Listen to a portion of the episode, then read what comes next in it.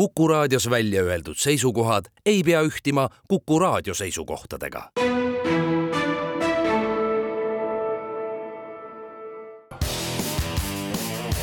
spordireporter. spordis kruvib pinget, Pahv üksteist ja seitse minutit on saanud kell, täna on kahe tuhande kahekümne kolmanda issand aasta novembrikuu neljateistkümnes päev. tere kuulama spordireporterit järjekonnanumbriga kolmsada kolmkümmend kuus. kuulama kutsuvad teid Järve Lott, Tallinn, Susi Joosep, Tartu meie saatega saab ühendust e-posti aadressil spordireporter.kuku.ee või Twitteris haaksõna spordireporteri abil. nii on võimalik esitada meile küsimusi, mõtteid, tähelepanekuid, millele vastamise võtame ette saate kolmandas osas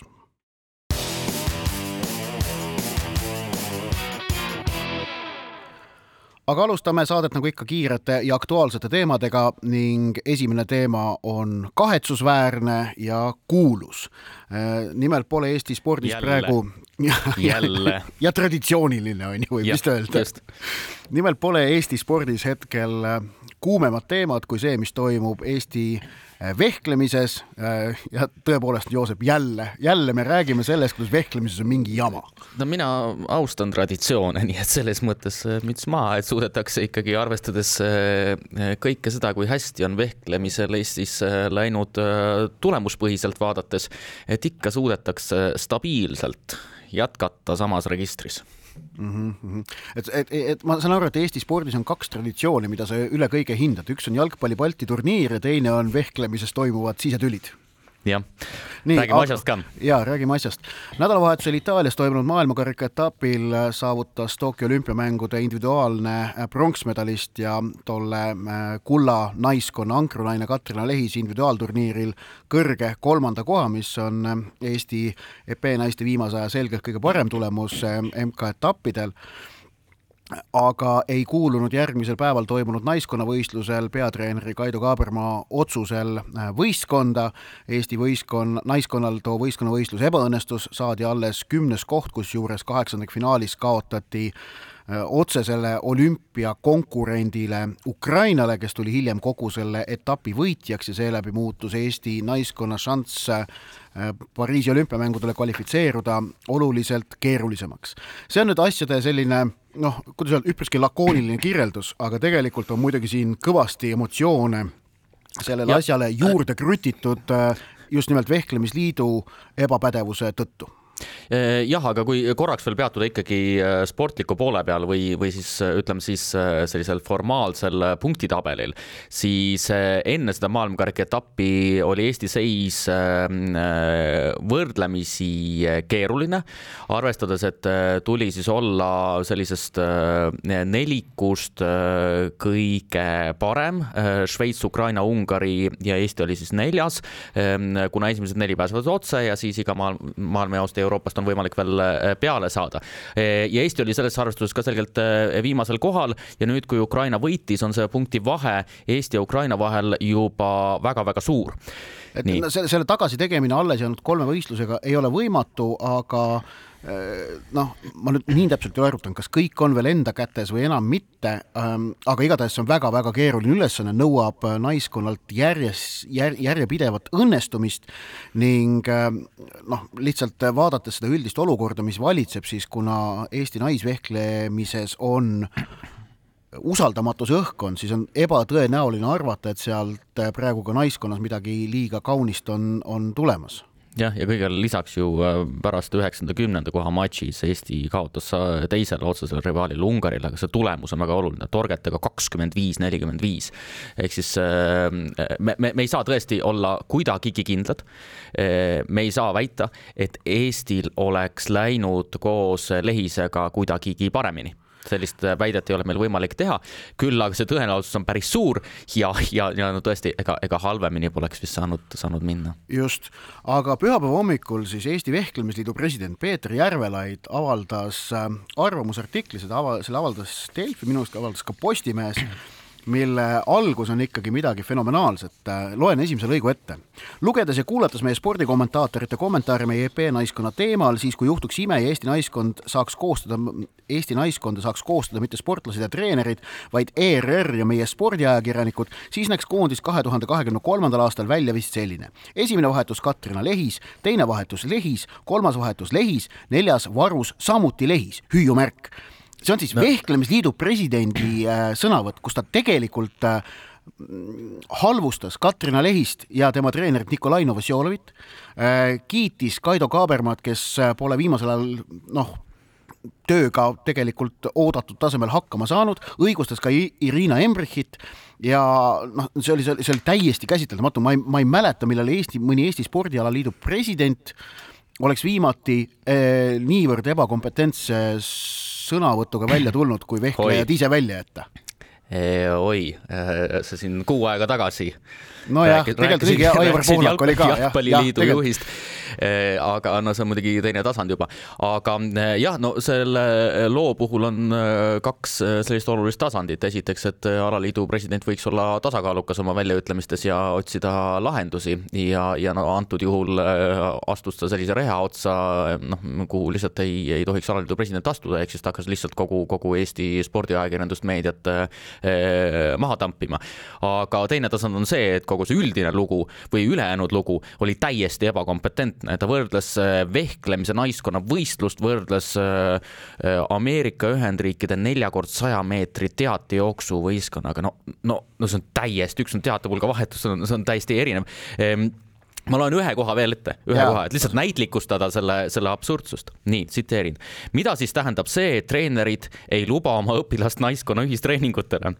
mõelge ise, kas ühistreeningutel osalemata on sportlasel edule suur lootus meil on naiste laskesuusatamises olemas näited ja, ähm, mis pole kindlasti tulnud tasemetõusule kasuks. naiste laskesuusatamine on võrreldes meie naiste vehklemisega küll erinevas kategoorias, aga ühistreeningud on igal naiskonnavõistlusel olulised. mis saaks, kui võrkpallurid, jalgpallurid, käsipallurid ei osaleks ühistreeningutel? see on täielik, see on täielik soga, mis ta ajab seal ju täielik soga ei no, ei no tõepoolest jah. jah, aga, aga no räägime, noh, tuleb rääkida sellest, mis on kogu asja taustal. taustal on see, et äh, Kaido Kaaberma ju juba sel suvel ründas väga avalikult ja ma ütleksin räigelt nii Katrina Lehist kui tema treenerit Nikolai Novosjolovit. tuletan meelde, et Nikolai Novosjolov on kahekordne maailmameister äh, sportlasena, enne kui ta treeneriks hakkas ning Katrina Lehis, Katrina Lehis on ainukene Eesti vehkleja, kes on olümpiamängudelt individuaalse medali võitnud. lihtsalt igaks juhuks selline sellised asjad tasub meelde, meelde. ja no see indi-, individuaalne külg ei mängi niivõrd rolli, kui, kui jutt on ikkagi sportlase juhendamisest, aga, aga juba see tulemus iseenesest näitab midagi ja, ja loomulikult selle taustsüsteemiks on ju ikkagi lehise, lehise päris äh, raske vigastus. et ja, ja, ja, ja tegelikult, et see koostöö ikkagi, ikkagi noh, mingit tulemust toob ja, ja lehise talent ei ole rikutud, äh, nagu võis, äh, võis kosta, siis no seda näitab ka viimase maailmakõrgetapi tulemus, et tema tegi tulemuse, teised ei teinud tulemust. just, just mm.. Äh, aga kogu selle olukorra taustal tõesti on siis Kaaberma konflikt äh, Lehise ja Novosjoloviga. no seal on veel konfliktis tegelikult ka teisi osalisi, Irina Embrichi ja Nikolai Novosjolovi konflikt on Eesti vehklemises palju teada olukord äh, ja, ja praegu on lihtsalt olukord säärane, kus Lehis ja Kaaberma samasse naiskonda ära ei mahu. Lehisel teiste vehklejatega potentsiaalsete võistkonnakaaslastega äh, teadaolevalt mingeid selliseid arusaamatusi, mis välistaksid samasse võistkonda kuulumise, ei ole. ja kusjuures vehklemisnaiskonnas tõesti äh, ei ole vaja mingisugust otsest koostööd äh, nii-öelda võistlusareenil ju teha, sellepärast et mm, vehklemas käiakse ikkagi ühekaupa, mitte kõik koos, et seal ei ole selline, et ühelt poolt kaks ja teiselt poolt kaks ja siis minnakse kokku ähm, mis, mis saab olla selles olukorras lahendus, tegelikult minu meelest on praegu ilmselge, et Kaido Kaaberma jätkamine naiskonna peatreenerina peaks olema välistatud ja oleks vaja leida äh, see naiskonna etteotsa, ka, ka Nikolai Novosjolovi naiskonna peatreeneriks panemine ei oleks hea käik. on vaja leida Eesti Vehklemisliidul neutraalne peatreener, kes suudab erinevad vehklejad äh, seal, äh, seal kokku liita, aga kardetavasti selliseks käiguks puudub Vehklemisliidu juhtkonnas, nagu me nägime presidendi artiklist, tahe kas, ka säärane kandidaat üldse Eesti vehklemises olemas on, on samuti kaheldav ja olukord selles mõttes on keeruline ning ilmselt kokkuvõttes naiskonnana olümpiale seetõttu ka ei pääseta. Kui me vaatame praegu Eesti B-naiskonda ja vaatame neid treenereid, kas Eestis on mõni eestlasest vehklemistreener, eh, kes ei oleks ühe või teisega mingil moel konfliktis, noh, võib-olla sellised noh, noortetreenerid kusagilt jah, aga mul on tunne, et see on ikkagi nii sügavale, ütleme sellisesse käitumismustrisse juba, juba äh, juurdunud, et äh, no isegi sellise koha pealt, kus ei oota mitte kunagi, et vehklemises tekib mingisugune skandaal, siis lõppeks ikkagi see tekib. et ähm, jah, eh, nii et ainus, ainus äh, lahendus äh, näiks olevat välistreener, aga, aga vehklemises noh, välistreenereid ei, ei, ei ole ja ma arvan, et selle, seda teed ei minda, nii et ma arvan, et suure tõenäosusega Kaido Kaabermaa jääb peatreenerile. aga, aga siin kon konflikt on paisumas, konflikt on paisumas sellega, et Katrin Lehis selle kolmanda kohaga teenis nüüd endale Eesti edetabelis tõusis teiseks, mis tähendab, et tal on automaatne automaatne pääse naiskonda järgmiseks äh, naiskonnavõistluseks olemas ehk et siis teda põhimõtteliselt vastavalt juhendile ei saa välja jätta. Äh, siis äh, siin tolle võistluse hakati seadma tingimusi, et ta peab osalema ühislaagrites, aga juhendit lugedes mitte midagi säärast seal kirjas ei ole, et ta peab ühislaagrites osalema. ja, no ja lõpuks, see, see, et... lõp, lõpuks läheme ju olukorda, et, et ega teda, teda ei pea ju rajale saatma. Eh, jah, et see on, see on lõpuks ju Kaabermaa otsustada jah ja, ja.. ta võid ju noh, panna vehklema ikkagi kolm enda lemmikut ja nii edasi, aga, aga no tegelikult siin ikkagi no mina ei läheneks nii, et ainult Kaabermaa on kõiges süüdi süüdi, et eh, tegelikult noh, see on ilmselgelt minu arust nagu okei okay,, no praegu need Kaaberma väljaütlemised, need on, tunduvad eh, natukene absurdsed, aga no et ei ole võimalik, et inimesed ei suuda nagu mitte üldse omavahel nagu, nagu, nagu sotte selgeks teha, kui nagu eesmärk on ühine, jah mina arvan küll, et siin Spordis. on, mina arvan, mina ei näe, et Katrin Lehis ja Nikolai Novosjolov oleksid milleski süüdi, mina arvan, et süüdi on ainult Vehklemisliit ja peatreener Kaido Kaaberma. olgu nii tõmbame siis sellele teemale joone alla. Või tahad veel, veel kedagi siin? ei, ei, no ma lihtsalt noh, see vehklemisteema tuli praegu niimoodi kokku võtta, ma arvan. No,, eks näis, mis juhtuma hakkab, see, see, see asi podiseb siin nüüd edasi, detsembri alguses on järgmine MK-etapp on äh, Kanadas ja eks näis, mis siin selle eel juhtuma, juhtuma hakkab Läheme edasi ja teine teema, räägime korvpallist. nimelt BC Kalev Cramo korvpallimeeskonnal seisavad ees kohtumised FIBA Europe Cupi sarjas. küll aga võistkonna ukrainlasest liider Aleksandr Kovliari tõenäoliselt enam Kalev Cramo ridades mängimas ei näe. kahekümne ühe aastane ukrainlane siirdub, nagu on välja käidud, ilmselt Hispaania kõrgliigasse ja Kalev Cramo peatreener Heiko Rannula on seda olukorda kommenteerinud ja väitnud, et äh, meeskonna ühele liidrile on tehtud äh, erisuguseid pakkumisi, aga selliseid võimalusi Kalev Cramol lihtsalt ei ole, et kedagi kinni hoida või maksta näiteks Hispaania kõrgliga sats üle. No see on asjade reaalne seis ja olukord, ega siin midagi väga kurta ei ole, korvpalliturg ju niimoodi toimub, et toimibki, et ikkagi kui Arvest-, arvestades veel, et sellel noormehel ta on väga noor, eh, on ikkagi päris korralikult kvaliteeti ja no seal enamasti on korvpallis ju lepingutes kirjas nii-öelda väljaostuklausel ehk et see hüvitis, mis tuleb äh, lepingut äh, mängijaga omavahel klubile tasuda, et, äh, et ta sealt lepingust välja osta, no ilmselgelt Kauliari puhul on praegu tema väärtus tõusnud mängijale niivõrd kõrgele, et Hispaania kõrgliiga klubidel, kes siis temast huvitunud on, säärane, säärane huvi on, see on kompliment Kalev Cramo tegelikult skautingule, et nad Kauliari eelmise hooaja eel üles leidsid, endaga suutsid siduda, et temaga ka selleks hooajaks leping tehti. et selles mõttes see on ja, ja, ja usutavasti see noh, käik, et nüüd Kovler lahkub, aitab natukene ka Kalev Cramo eelarvet täita. ent samas jah, mänguliselt tuleb see muidugi kasuks, sest et tegemist on selge mängulise liidriga olnud ja ja kuidas nüüd äh, FIBA Europe Cupil seal tugevuselt neljandas eurosarjas, kus äh, alagrupis on, on praegu kirjas võit Brindisi üle ning äh, kaotus Hispaania klubile Zaragoza, et kuidas need kaks viimast kohtumist, millest esimene on siis homme võõrsil ja teine mäng järgmise nädala teisipäeval võõrsil, kuidas need sujuvad, noh, eks sellest sõltub ka, eks sellest sõltub ka see, et kuidas me seda Kalev Cramo hooaega hindama hakkame noh, kui sealt alagrupist edasi õnnestub jõuda, siis ilmselt äh, proovitakse leida täiendusi, kui ei õnnestu edasi jõuda, siis on ju, ongi Eesti-Läti liiga ainuke asi, mida hooaja lõpuni mängitakse jah, ma, kui sa lubad, siis ütlen ühe võrdlemisi klišeeliku ja sisutühja kommentaari selle kohta.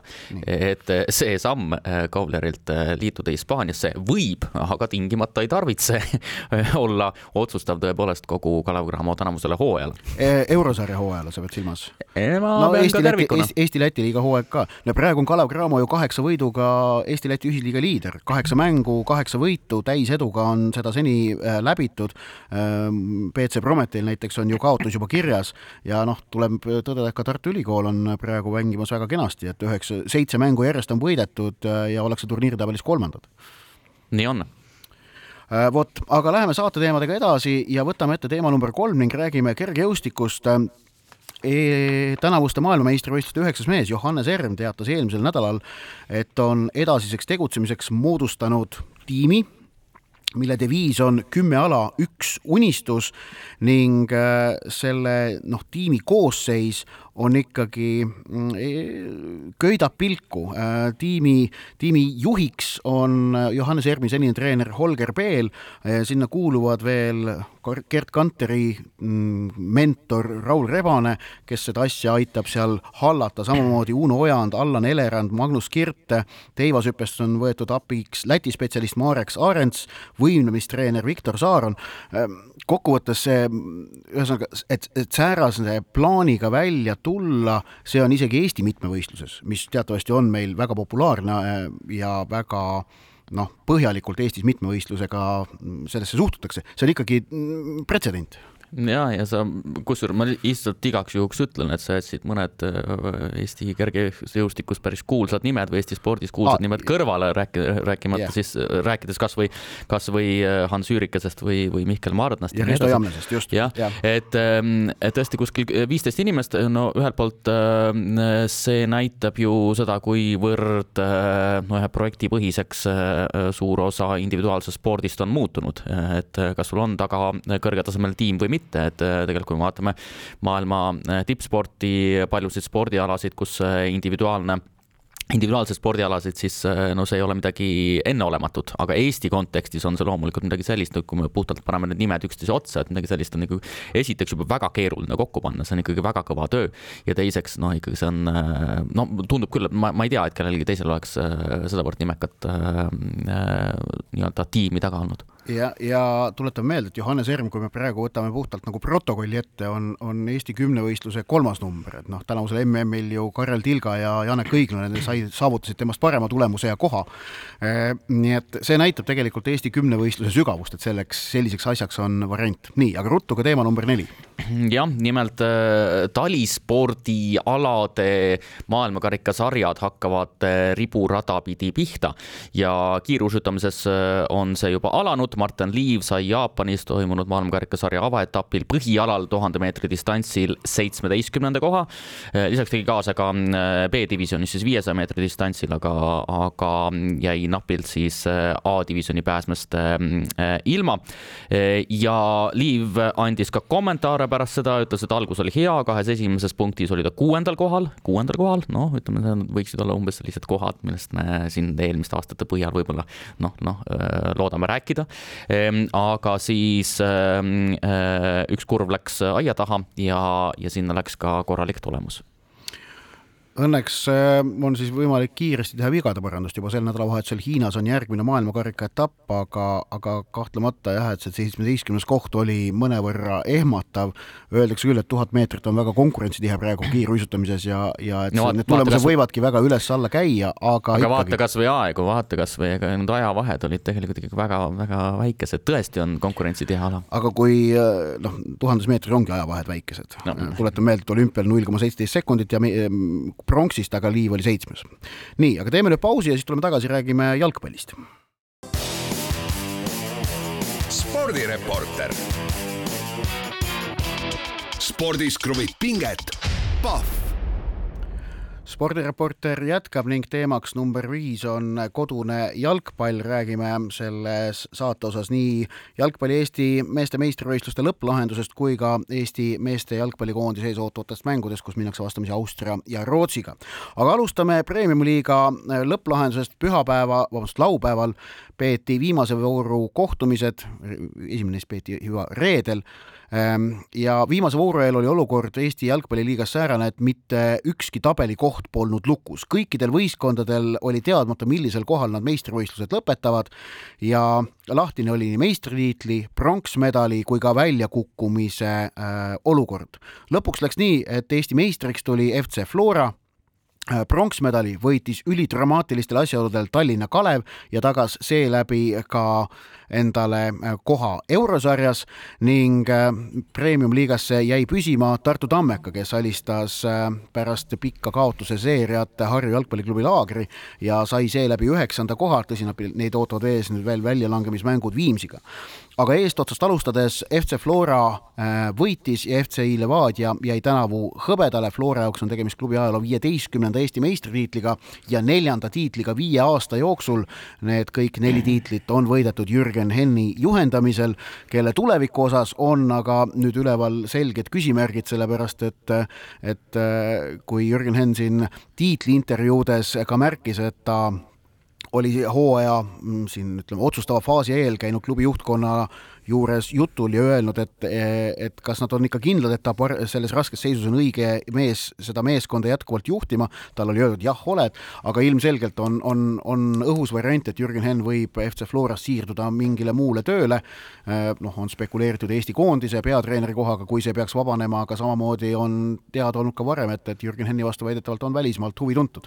et ta on olnud piisavalt tasemel jah, ja ta on olnud ju eh, Eesti ainus jalgpallitreener, kes on tegelikult rahvusvaheliselt eh, ka eh, klubi tasandil võrdlemisi edukas olnud.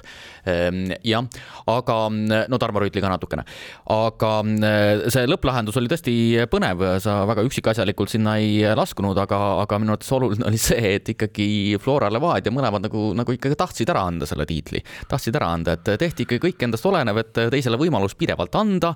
Flora kaotas viimase minuti väravast pärast omavahelise kohtumise. Eh, kõigepealt eh, olukorras, kus Levadia oli justkui täiesti trumbid kõik andnud juba Flora kätte ja viimases voorus siis eh, samamoodi Flora viigistas Nõmme Kaljuga null-null, mis tähendab, et Levadia oleks võidukorda tulnud ikkagi meistriks, aga, aga aga no,, aga jah. selle Flora Kalju mängu ajal oli ju teada, et Paide on teises mängus kaks-null juhtimas pikalt ja, ja see oli ilmselgelt, kuna ma olin Lillekülas kohapeal ja no see oli ilmselgelt näha, et see teadmine teise mängu skoorist mõjutas seda Flora Kalju mängu ehk et viimase vooru ajal ei tekkinud kord kordagi olukorda äh, Floral, et äh, nad teaksid, et äh, kui nad nüüd väravat ei löö ja võitu ei võta, et siis nad jäävad tiitlist ilma. sellist olukorda ei tekkinud mitte kordagi, sellepärast Levadia oma mängu mitte kordagi juhtima ei suutnud minna, nad üheksakümne kuuendal minutil Paide vastu küll viigistasid, aga seal kaks kahest enamat ei tulnud. nii et noh, aga muidugi see lõpplahendus oli fenomenaalne, et oli selline kahe ja poole minutiline ajavahemik kus oli lahtine kõik, äh, sest mäng käis veel Paides ja mäng käis veel Lillekülas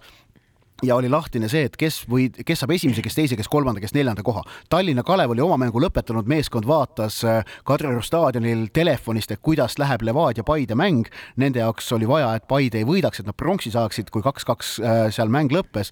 Kalev sai hakata tähistama pronksmedalit, et see lõpplahendus muidugi, see pingelisus, see oli parim sportlik draama, mis on võimalik välja mõelda, et sellist ei näe filmis ka noh noh, filmides näeb, aga eh, tõesti väga põnev. Ja taaskord tegelikult see jalgpallihooaja lõpp on olnud ju nüüd äh, ikkagi päris sageli just nimelt kinni viimastes minutites. siin mäletan, üks aasta oli see, kus ju siin äh, virtuaalselt vahepeal Flora, Flora liider lõpetas neljandana ja nii edasi, et no ühesõnaga väga põnevaid, põnevaid lõpplahendusi on olnud. nii, aga Flora võitis Levadia teine, no siin suurt mingit üllatust otseselt ei, ei, ei ole, pigem just see lõpplahendus oli, oli põnev, väga tore, aga korraks pöörduksime tagasi ikkagi selle küsimuse juurde, et eh, mis saab Florast ja Levadiast edasi ja võib-olla pöördume ikkagi selle Jürgen Henni küsimuse juurde, et eh, on, on sul mingit teadmist, et mis siis ikkagi tead, saab või kõik on lahmine? praegu tegelikult ei olegi kellelgi teadmist minu teada, kõik ongi lahtine, aga ilmselgelt just nimelt, et ei ole sellist ka kindlust, et kuidas minnakse edasi. et, et see asja võib juhtuda ja noh, Levadiast võib ka igal hetkel uudis tulla, et nad ikkagi, kuna kullast jääd ilma, et peatreenerile on kinga antud, kuigi Kurro Torrase leping on aasta jagu veel. noh, Levadia ajaloost me teame, et selliseid otsuseid võib, võib igal hetkel oodata.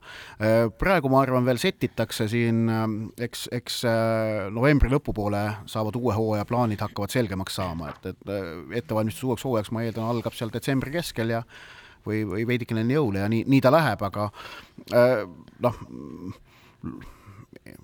tahaks väga, et Levadia ei loobuks Kurre Torresest, ma arvan, et, et tal on sellele võistkonnale veel omajagu anda, ta kasvatas seda võistkonda sel hooajal päris palju äh, minu meelest paremaks ja, ja ma tahaks näha, et tema töö jätkuks, see oleks, ma arvan, Eesti klubi jalgpallile hea. iseasi, kas, kas Levadias, Levadias on seda kannatlikkust. noh, aga, aga nüüd Florast Levadiast edasi liikudes, siis Tallinna Kalevi pronks on muidugi super, see on täiesti super uudis kõigile, ma arvan, Eesti jalgpalliklubidele sellepärast et see inspireerib, see näitab, et äh, on võimalik äh, ka Eesti, Eesti liigas sellisteks muinasjutulisteks hooaegadeks, kui asjaolud kokku langevad, Kalevi jaoks need langesid kokku, ehk et Paide ja Kalju mõlemad olid noh, allpool ootusi natukene, nad ise, Kalev mängis üle ootuste ja tegigi superhooaja ja fantastiline treenerite töö Aivar Annistelt ja Daniel Meielilt ning mitmete noormängijate esiletõus, Ragnar Klavan, Ats Purje andsid oma panuse ja nii see kokku tuli jah, nii et äh, klubi ajaloos esimest korda eurosarjas äh, suur saavutus, äh, aga veel kaksteist pidepunkti, vaatame ikkagi natukene ju väljapoole ka siin pealinnast, et sa oled alati pealinnakeskne ja sind ei huvita, mis mujal toimub, aga, aga esiteks Pärnu, suurepärane hoo-. puhas vale lihtsalt no,. Okay. ma kasutan sinu retoorikat, ma hakkan üle võtma sinu retoorikat, et võtan väiteid ei kuskilt, aga jälle, järjekordne vale no just, on kongeniaalne ehm,. aga. Susi, kas te öösel magasite ka või, härra Susi?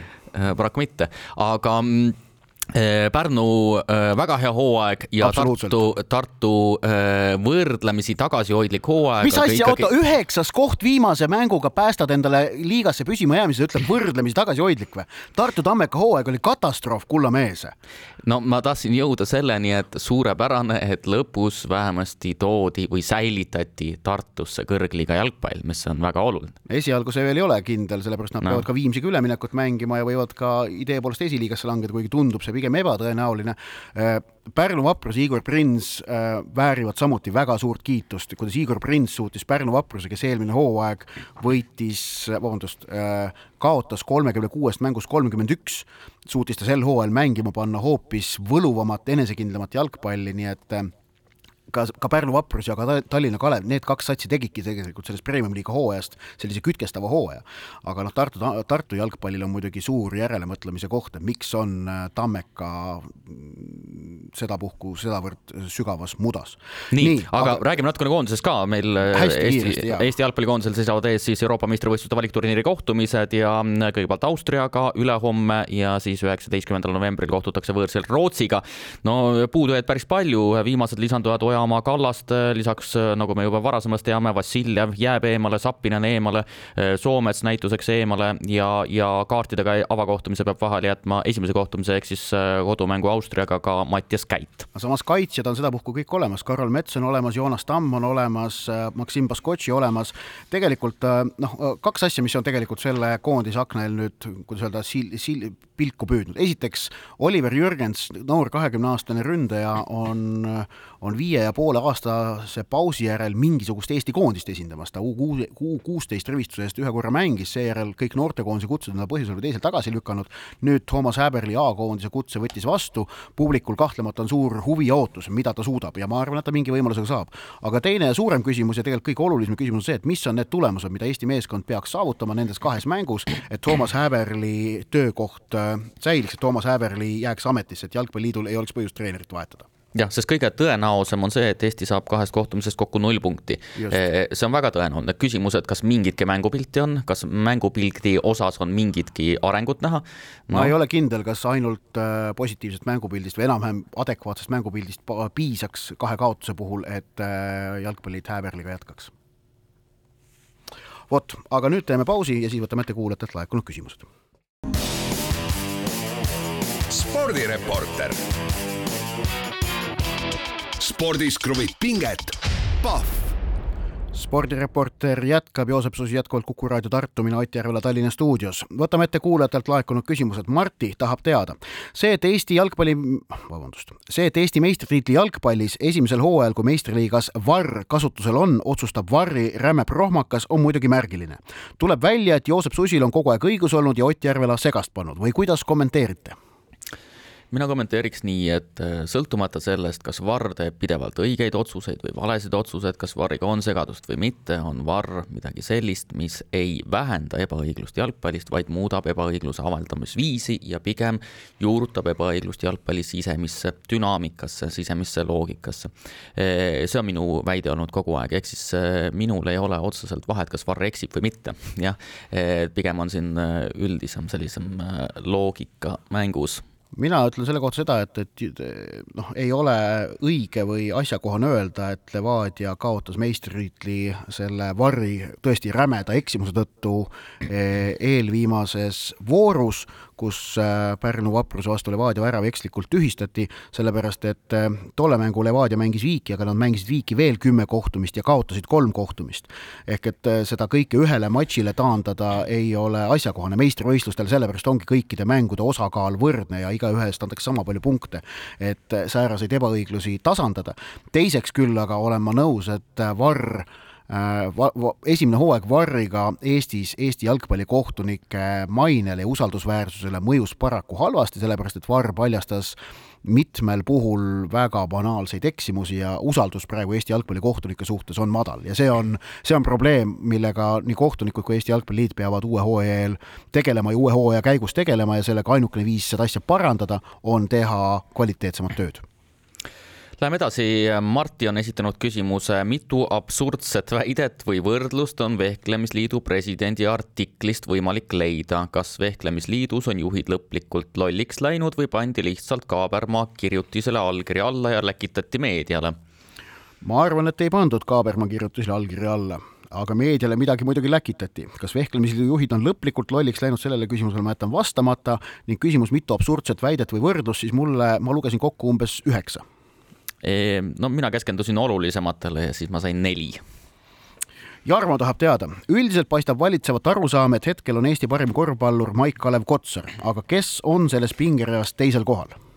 no kas on ilmtingimata Kotsar, jah, vaatame kasvõi Kristjan Kullamäe viimast kohtumist, Bilbao mängis Real Madridiga ja kakskümmend minutit, seitseteist punkti. nii et no praegu. ikkagi on Kotsar, no e-, Euroliiga tsenter no on jah, tegelikult. Olen, olen, olen nõus, aga, aga, aga Kullamäe mäng on muidugi tähelepanuväärne ja tegelikult neid äh, ikkagi sähvatusi on ju, on ju mitu olnud juba äh, Kullamäel tänavusel hooajal. Jah, ja, ja, ja ilmselt paist-, ilmselt on, on, on hetke vormi põhjal Kristjan Kullamäe vist oleksigi selles pingereas teisel kohal, jaa. Sander on esitanud küsimuse, ETV hakkab näitama kahevõistluse maailmakarika etappe, mis on kahtlemata tore aga millise või milliste võistluste teleülekanded on endiselt puudu, kuigi nad peaksid olemas olema? No ma arvan, et äh, meie sinuga, Joosep, spordisõpradena tahaksime muidugi väga laia ja rikkalikku valikut, et, et noh, miks oleks ju väga tore ikkagi igal pühapäeva õhtul kell üksteist äh, asuda mingi äh, kvaliteetselt, vaatama kvaliteetselt toodetud ja produtseeritud ülekannet Ameerika jalgpalli profiliiga NFL-ist, on ju.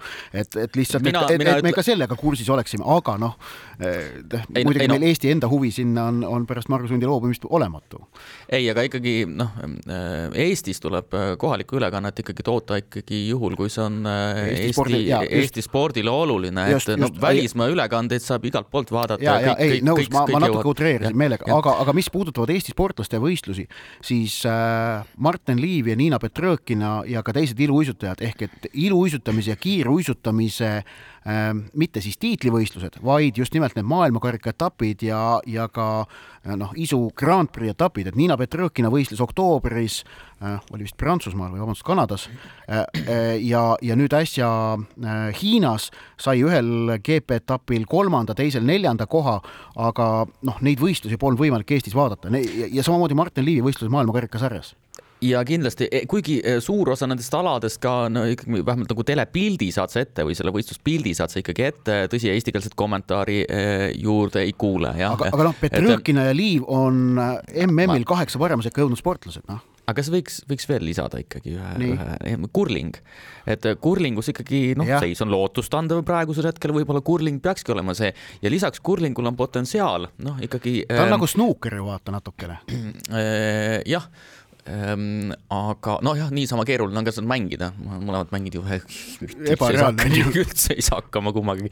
Ehm, jah, kivid lähevad, kui nad tahavad millegipärast, aga ja, ja sellest harjast ma ei saa üldse aru, sellepärast kui mina selle harjaga midagi teen, siis. Ehm, sa kukud ümber, enamasti sa kukud ümber. umbes nii jah, aga, aga noh, ikkagi kurlingul on potentsiaal jõuda sellise auditooriumini, milleni teised talispordialad ei jõua no just, ta on, selles mõttes ongi nagu snuuker, mida vaatavad inimesed õhtuti eurospordis, keda muu sport tingimata väga ei huvita, aga ta pakub sellist äh, teraapilist äh, vaatamis, äh, vaatamisrõõmu. nii, Klaara küsimuse jõuame ka veel ruttu võtta ja see kõlab nii, hiljuti võis lugeda, kuidas Eesti musklimehed ja naised on maailma meistrivõistlustel järjekordsed medalid võitnud. minu meelest tähendab selline tohutu hunnik medaleid, et nende tegelik väärtus on kasin. kuidas teile? Ma ütlen nii palju täpsustuseks, ma vaatasin, et Kulturismi ja Fitnessi Liit teatas, et nad võitsid maailmameistrivõistlustel kokku kaheksa kulda, viis hõbedat, neli pronksi. jah, äh, palju õnne. nii, aga kas on väärtust kasin või mitte? Ei no loomulikult eri spordialadel ka see mm, äh, medal, tiitlivõistluste medal, tiitlivõistlus üldse on ju hoopis äh, erisuguse väärtusega, et me kindlasti ei peaks võrdlema neid medaleid, ma ei tea, olümpiaalade tiitlivõistluste medalitega, no see on ju, see on ju ilmselge. see on, see on selge. samas, samas aga, iga selle sportlase enda jaoks see on kahtlemata saavutus ja väga ja tähtis sport... saavutus no, ja selle taga on sport... väga suur pingutus. jah, mitte ainult selle sportlase, vaid ka sportlase lähikondsete, spordiala, võib-olla ka külgnevate spordialade jaoks on see oluline, nii et kindlasti ei, ei tasu mm, tiitlivõistluste selliseid medaleid kuidagi alavääristada või, või, või kuidagi noh, hukka, hukka mõista, mida vahel isegi tehakse, mis on täiesti äraspidine ehm, loogika. aga, aga loomulikult jah, et nende väärtust ei saa kõrvutada näiteks olümpiaalade ehm, medalitega ja Pehme Muuseumi tahab teada, miks spordireporteri podcasti pole viimasel ajal Spotify's kuulata saanud, äh, probleemiga tegeletakse. nüüd aga paus spordireporter. spordis kruvib pinget, Pahv no vehklejad võivad omavahel kakelda küll, aga tegelikult ikkagi eh, lõppenud nädala kõige olulisemast eh, sündmusest pole ma tänases saates eh, veel kõnelenud. nimelt Anett Kontaveit, endine Eesti esireket, üks Eesti kõigi aegade parimaid tennisiste, pidas laupäeval lahkumismängu Tallinnas Tondiraba jäähallis täismaja ees.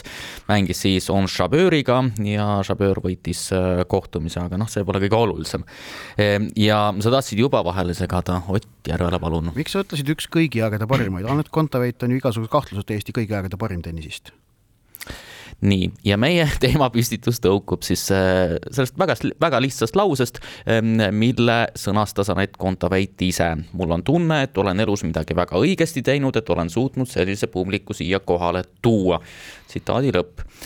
meie küsimus ongi, et äh, mis ta siis õigesti tegi no ta on läinud väga paljudele Eesti inimestele südamesse. Ähm, ja ma arvan, et, et väga oluline põhjus selles on, on ikkagi selles, et üha paremini Eesti äh, nii spordipublik, aga ka üldse Eesti ütleme, ühiskond tunnetab seda mm, ka spordi maailmapilti, et mis on maailmas oluline, kus valitseb maailmas kõva konkurents ning sellest, et tennises valitseb äh, naiste profispordis ilmselt kõige armutum ja kõige teravam konkurents on Eestis samuti aastate jooksul aru saadud ning seetõttu ka Kontaveidi äh, saavutust, mida ta äh, maailma edetabelis teiseks tõustes äh, tegi, niivõrd kõrgelt hinnatakse.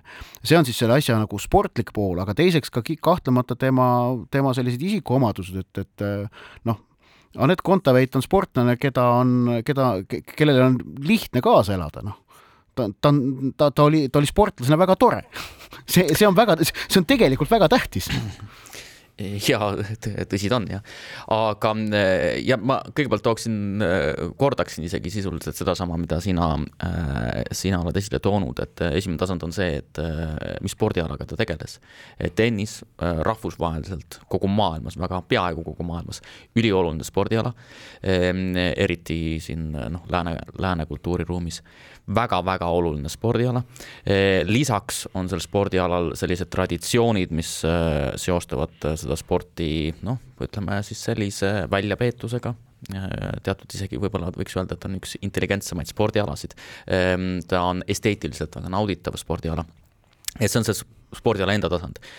just nimelt tunne või, või, või teadmine, et me oleme selles maailma tippseltskonnas, ehk siis suursugune neid..., ma ütleks, et noh, tennis on suursugune spordiala. jah, ja, ja ja siis võib-olla see eh, teine eh, külg on samuti seotud selle spordiala enda loogikaga ja see on tõesti nii reeglipärane sündmuste ahel, ta on niivõrd reeglipärane. Eh, kogu aasta sisuliselt on väike paus, palju need tennisistid aasta, aastas puhata saavad, ega ei saagi tegelikult, trenni ka ei saa teha, sellepärast et võistlused on kogu aeg. no ma natukene no, utreerin no,, aga. november ja pool detsembrit ja siis enne jõule enamasti mindi Austraaliasse noh kogu aasta. Ja tegelikult on Eesti spordihuvilistel vähemasti eh, tekkinud juba harjumus eh, Kontaveidi tulemusi jälgida või neid lugeda eh, väga pikka aega tagasi, siis kui me rääkisime sellest, et jälle kümne tuhande dollari suuruse auhinnafondiga ITF tenniseturniiril, mäletad seda aega, kogu aeg oli uudistes, ta käib kogu aeg, kogu aeg läbi, ehk siis ta on ikkagi niivõrd pikka aega olnud kogu aeg ja hästi äh, nii-öelda stabiilselt äh, äh, kohal spordiruumis. ja siis viimane tasand loomulikult see, et Kontaveit äh,, äh Kontaveit ise äh, mängijana nii see kuidas ta mängib, see, missugused on tema väljaütlemised ja kõik need asjad kokku panna ja siis me saamegi sellise fenomeni ja lisaks loomulikult see, et kui ta poleks seda ühte suurt sutsu poole aastast teinud, see tekitas ju kohe järsku sellise kaks tuhat kakskümmend üks sügis, see oli fenomenaalne aeg. kus ta oli vahepeal siis pool aastat maailma edukaim naistennisist ja no kui seda poleks olnud, siis tema nii-öelda pärand oleks natukene teistsugune. Äh, ja tegelikult praegusel hetkel mängib rolli loomulikult ka see, et sellest pole väga kaua aega möödas, väga palju aega möödas. Ehm, nii et äh, no kõik need asjad kokku panna ja ehm, üldse ei ole üllatav, et Tondiraba jäähall täismaja, lisaks inimesed, kes jälgivad mujalt seda, seda võistlust ja kes elavad kaasa, nii et, et. vaata, sa ennist ütlesid seda, et kurling, kurlingul on potentsiaal tuua mm, noh, köita publikut, kes muidu sporti ei vaata, et Anett Kontaveit kahtlemata kahtlemata oli ka selline tippsportlane, kellele elasid kaasa ka need e, eestimaalased, keda tippsport muidu sageli külmaks jätab. et ta oli ka selline ikkagi sportlane, kes suutis spordi piiridest välja astuda ja enda, e, ennast ka seal kehtestada. ja see on ka tema, üks osa tema fenomenist. ja, ja nüüd see fenomen kahjuks on sporditeel lõppenud, aga, aga eks elus on ju palju muudki teha väga õige, Ott, on tõesti. Äh, näiteks ka... jagada soovitusi spordireporteri kuulajatele. Äh, ah soo, jah, tõesti, meil on selline traditsioon ja kuivõrd mulle traditsioonid meeldivad, siis mina soovitan vaadata Eesti jalgpallikoondise Euroopa meistrivõistluste valikturniiri kohtumisi juba ülehomme neist kahest järgnevast esimene. mina soovitan aga pühapäeval hoida silma peal kodustel võrkpallikohtumistel Kronimeti liigas. Pärnu võõrustab Võru meeskonda ning Tartu on vastamisi TalTechiga ehk et kaks Eesti klubid omavahelist duelli pühapäeval Kronimeti liigas. aga äh, saate lõpetuseks laul, millega võtame kokku kokku olukorra Eesti vehklemises ja ansambel Justament ulatab oma abistava käe.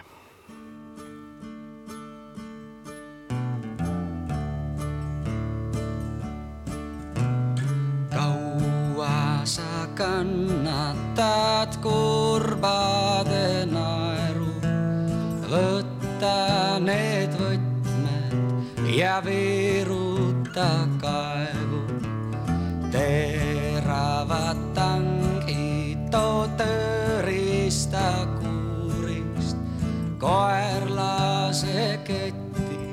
ja linn päästab puurist. põlv võta eest ja põgene kodust, kuusiku tukas näed kaheksat hoobust see seitsmes, kes heledalt